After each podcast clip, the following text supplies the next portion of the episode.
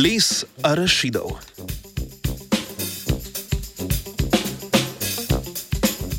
Ste kdaj v kozarec piva dodali arašide in opazovali, kako potonejo, priplavajo nazaj in znova potonejo?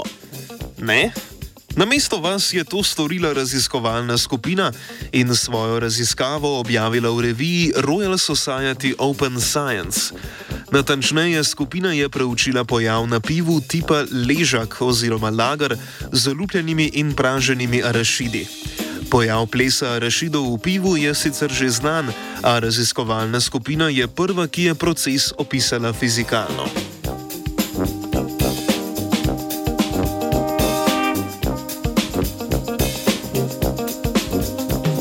Kroženje arašidov je videti nekako tako.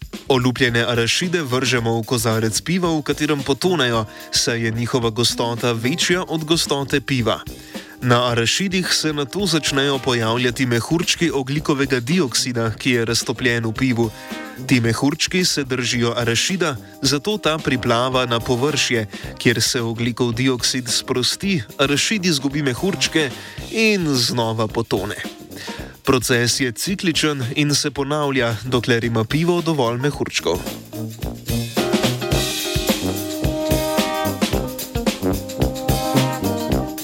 Skupina je preučevala tri pojave, ki sestavljajo plese rašidov: nastajanje mehurčkov, vzgon in cikličnost. Z izračuni je pokazala, da je proces nastajanja mehurčkov na površini arašida energijsko ugodnejši kot nastajanje mehurčkov na površini kozarca, zato mehurčki na arašidih nastajajo hitreje kot na kozarcu. Sami po sebi bi mehurčki odplavali do gladine, a jih predtem zadržuje površinska napetost piva, zaradi česar ostanejo prilepljeni na arašid. Izračuni so pokazali, da se mehurčki lahko držijo arašidov, dokler ne dosežejo velikosti približno milimetra. Mehurčki, ki se držijo arašidov, povzročijo, da arašidi priplavajo na površje.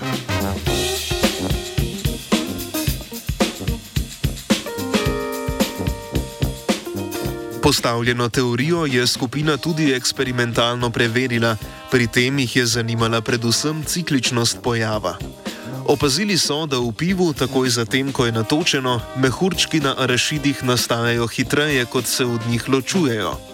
Arašidi zato po začetnem dvigu prve pol ure plavajo na vrhu, na kar se začne njihov ples potapljanja in dvigovanja.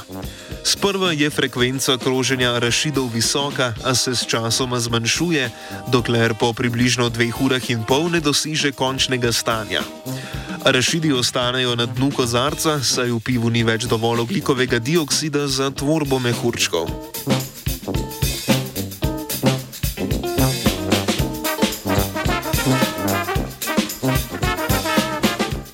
Proces kroženja arašidov v pivu je zanimiv, a mnogo zanimivejše so aplikacije te dinamike na drugih področjih.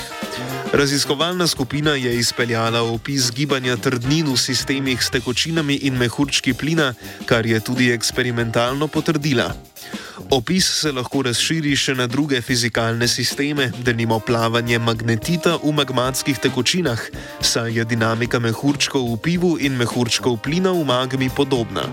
Poskusi s pivom so zanimivi za vsakogar, zato ste poslušalci na frekvenci 89,3 MHz vabljeni k lastni izvedbi eksperimenta s pivom in na rašidi. Pri tem je treba omeniti še, da lahko pri drugačnih vrstah piva in različnih arašidih pričakujemo malce drugačno obnašanje od tega v raziskavi.